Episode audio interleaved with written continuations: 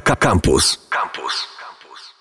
Teraz na antenie Radia Campus y, pierwsza część cyklu warszawskiego. Ze mną są ludzie, którzy na Warszawie się znają świetnie, ponieważ po Warszawie oprowadzają Mary Pawlak i Piotrek Humel z WAF Stepu. Cześć. Cześć. Dzisiaj będziemy mówić o temacie, który chyba jest dość mocno na czasie, bo dotyczy mm, balów w Warszawie. Teraz mamy taki sezon karnawałowy, czyli teraz też się jakieś imprezy odbywają, ale chyba nie wyglądają tak jak tamte dawniej, prawda? Nie, zdecydowanie, dlatego że y, warto chyba w ogóle powiedzieć, kiedy odbywa się karnawał w, mhm. w kalendarzu. E, to jest czas od Bożego Narodzenia do Środy Popielcowej e, i tak naprawdę jeszcze 100 lat temu był to moment, kiedy można było się bawić, e, a poza tym czasem tak naprawdę w okresie Wielkiego Postu czy też Adwentu wszelkie bale i zabawy były wręcz zakazane, jednak żyjemy w katolickim kraju i przestrzegano tych zasad związanych z, z religią. Natomiast Warszawa przełomu XIX i XX wieku to też jest takie miejsce na mapach Europy, gdzie te bale były ważne nie tylko ze względu na zabawę, ale też ze względów towarzyskich. Warto było być, zwłaszcza kiedy było się młodą panną, e, ponieważ to był e, czas, kiedy młode panny e, stawały się pannami na wydaniu, czyli rodziny przedstawiały je jako kobiety, które mogą wyjść za mąż i często było tak, że duże sumy rodzina wydawała przed balem, aby ubrać e, kobietę w piękne suknie. E, wtedy też e, najwięcej zarabiali warszawscy krawcy, modystki i sklepy. Wtedy też wszyscy chcieli kupić najmodniejsze właśnie sezonu kreacje. Niemniej jednak jest to czas, kiedy te bale są też bardzo powiedziałabym, że kolorowe, nie tylko ze względu na taki wesoły czas, ale także Warszawa znana była z tego w, w Europie, że lubiano się tutaj przebierać więc e, wszelkie maskarady e, tematyczne, od balów japońskich, ale chyba najbardziej znane w takich różnych zapisach i wspomnieniach są bale kwiatowe, ponieważ panny przebierały się e, za, za kwiaty. I to jest taki moment, kiedy można było po prostu no, wariować na punkcie swojego wizerunku. Co prawda, no nie każdemu się to podobało. Tak, ale w ogóle to odwrócenie w karnawale jest bardzo, bardzo ważne, tak? To znaczy karnawał to jest czas, kiedy możemy porzucić swoje role społeczne i to jeszcze w XVIII-XIX wieku na tych balach y, u księcia Józefa Poniatowskiego albo u księcia Lubomirskiego w dzisiejszym Pałacu Prezydenckim, wtedy właśnie Lubomirskich, przychodziło się często właśnie przebranym w jakichś przebraniach, maskach i nie wiedziano, kto się kryje za tą maską. I Czyli tak jak w Kopciuszku troszkę, nie? Tak, to, to tak. jednak prawdziwa historia może. E, na pewno inspirowana między innymi tym. Właśnie, właśnie o to chodzi. E, też to był czas jedyny, gdzie ta społeczność mogła się bardziej przemieszać, gdzie arystokracja, szlachta, magnateria mogła się spotkać, no może nie z tą biedotą miejską, tak, ale z mieszczaństwem i bardziej i mniej zamożnym jak najbardziej i gdzie z taką panną właśnie arystokratyczną mógł porozmawiać ktoś, kto normalnie by, by, by, by nie miał takiej, nie miał takiej okazji, tak, mhm. więc... Czy te stroje, które się pojawiały na balach, to też były takie jednorazowego użytku y, przebrania, czy, czy zdarzało się, że ktoś założył jedną suknię na jeden bal, drugim, za drugim razem założył znowu ten sam strój? Raczej nie wypadało mhm. Y, występować y, w tej samej sukni, a już wielkim fopa było, jeżeli ktoś miał taką samą. Y, suknie były tworzone bezpośrednio dla konkretnej osoby, były szyte na miarę.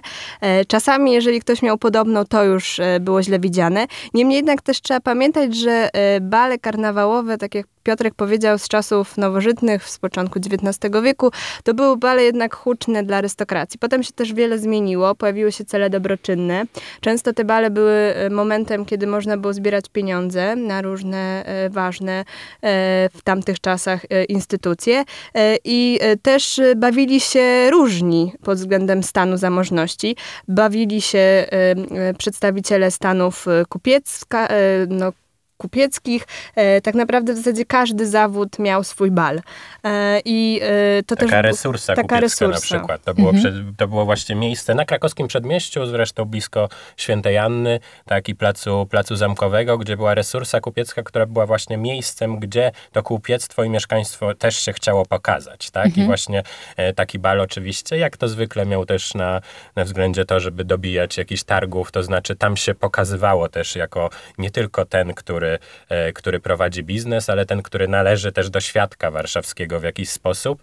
E, I też to mieszczaństwo po prostu w naszych warunkach bardzo aspirowało do tego, żeby być trochę ta, jak ta arystokracja i jak ta szlachta. Tak? Rzeczywiście w naszej kulturze zawsze, zawsze to w tą stronę aspirowano. To, to mieszczaństwo nigdy nie czuło się tak pewne, że mogło być, my jesteśmy mieszczanami jest nam w tym, z tym w porządku. Oni rzeczywiście chcieli aspirować też wyżej i to na tych balach też się działo. Mhm, pojawił się też ten wątek miejsc, bo jestem ciekawa, gdzie te największe bale się w Warszawie odbywały. Tak naprawdę nieopodal nas, bo obydwa hotele, Bristol, Europejski, to były najpiękniejsze, największe bale. E, dodatkowo także sala aleksandryjska w ratuszu, czyli e, dawnym ratuszu na placu teatralnym. E, oprócz tego, tak jak już Piotrek powiedział, były to resursy, ale także sala w Teatrze Wielkim. To są te wielkie sale balowe, gdzie warto było być, pokazać się z całą świtą e, rodzinną, e, młodych e, i starszych kobiet. E, Natomiast e, warto jeszcze tutaj zaznaczyć jedną rzecz, o której my często zapominamy. E, Teraz idąc na jakąkolwiek zabawę, bawimy się sami, e, bądź z partnerami, partnerkami i nie ma e, żadnego zamawiania tańców, E, a kiedyś to było bardzo istotne, aby zamówić sobie taniec u panny e, bądź e, pani i dodatkowo e, organizator balu e, tworzył takie specjalne karteczki, e, tak specjalnie z, no, zdobione, e, w, na których to e, panna bądź pani mogły zapisywać tańce, z kim przetańczyły dany taniec i jakie mają wobec tej osoby odczucia. Zachowało się parę takich kart właśnie balowych, można je oglądać w Muzeum Warszawy i są one wyjątkowe pod tym względem, że możemy zobaczyć, co w ogóle tańczono i jak te panie, które tańczyły, oceniały swoich towarzyszy. Co tańczono? Bo jestem ciekawa, jaka muzyka w tamtych czasach na balach królowała. E, No tak naprawdę ta muzyka balowa chyba nie zmieniła się e, zbyt bardzo. Tańczono wszelkiego typu mazury, e, e, ale chyba to, co najbardziej też nam się kojarzy z balem, to walc wiedeński między innymi. Ale to, co też wtedy było popularne, to taki taniec, który bardzo spodobała mi się jego nazwa, ponieważ taniec nazywa się galopki. To tak chyba można go odmienić. Ciekawa jestem, jak to wygląda. Może Brzmi kiedyś... jak coś bardzo dynamicznego, że tam Tak, trzeba takie było oberkowe. Mhm. tak. takie oberkowe. Więc wydaje mi się, że to też prawdopodobnie się zmieniało, bo inaczej wyglądały te bale później w dwudziestoleciu, tak? Wtedy wchodziły e, czarne rytmy e, z, za oceanu. Natomiast e, ten przełom XIX i XX wieku to jest taki moment, kiedy właśnie jednak e, tańce w parach e, z bilecikami. Też bardzo jest ciekawe to, że właściwie kobieta, jak już była zapisana do jakiegoś harmonogramu tych tańców, Tak, jak już się z, zgodziła, z kim będzie tańczyć, to właściwie e, według dobrych manier ona nie mogła później odmówić. To znaczy, jeżeli ten mężczyzna do niej przychodził, już był zapisany w, u organizatorki czy organizatorów balu, że z nią ma tańczyć, to ona musiała bardzo uważać na to, jak odmawia. Nawet w takich podręcznikach dla towarzystwa wtedy, które były wydawane, e, mówiono, nawet sugerowano, w jaki sposób ewentualnie można się wymigać jakimś złym samopoczuciem, ale było to rzeczywiście niemile, niemile widziane, więc już trzeba było wiedzieć, jak się zgadzało, to się rzeczywiście zgadzało na ten taniec. Mhm.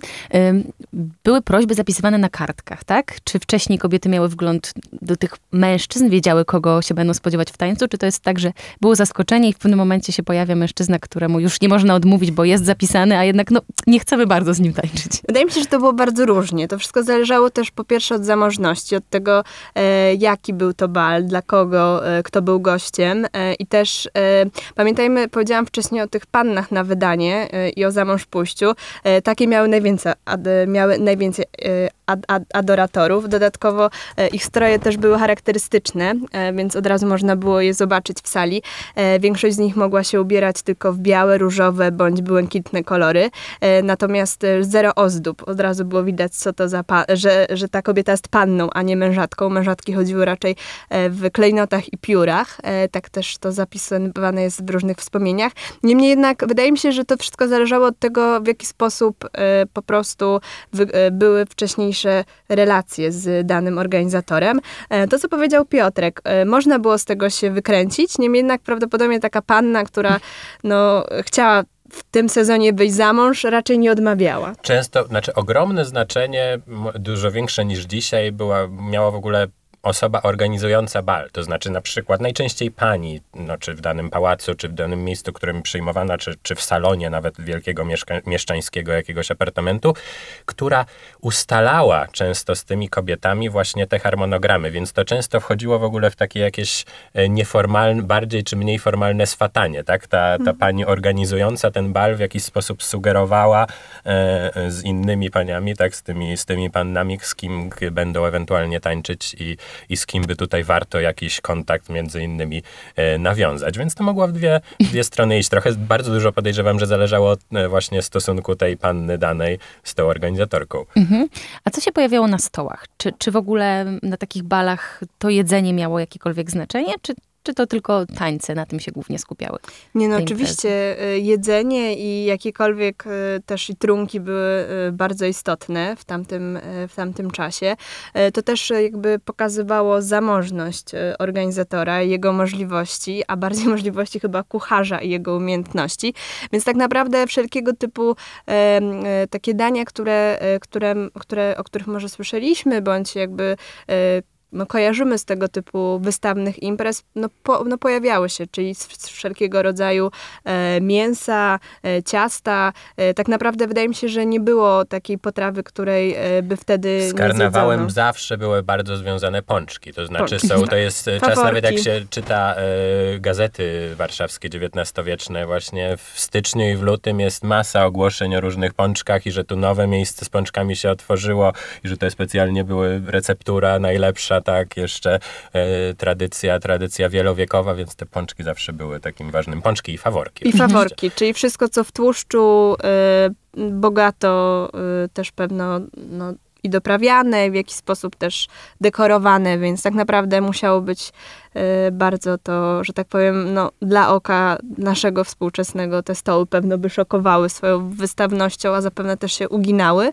E, no a trunki wiadomo, no, od pączy po wina, które były sprowadzane głównie e, z Węgier i Włoch i Francji. W Polsce wina nigdy nie produkowano. I też jeszcze aż do dwudziestolecia, szczególnie jeszcze w XIX wieku czy w XVIII, no to przede wszystkim feria różnego rodzaju ryb. Tak? Dzisiaj my mamy my w swoich głowach te parę gatunków ryb, które, które jakoś tam spożywamy, a wtedy rzeczywiście tych ryb było Jesiotry. znacznie więcej. Właśnie jesiotry w Wiśle, które miały Tak. na przykład 3 metry, jakie wyławiano. To jest coś, co dzisiaj nam trudno sobie wyobrazić, ale rzeczywiście takie stwory tu pływały. Trochę o tych balach posłuchaliśmy. E, Takich historii warszawskich będzie jeszcze trochę się na antenie Radia Campus pojawiało. Za tydzień porozmawiamy o warszawskiej elicie. Ze mną była Mary Pawlek i Piotrek Humel z Wawstepu. Dzięki.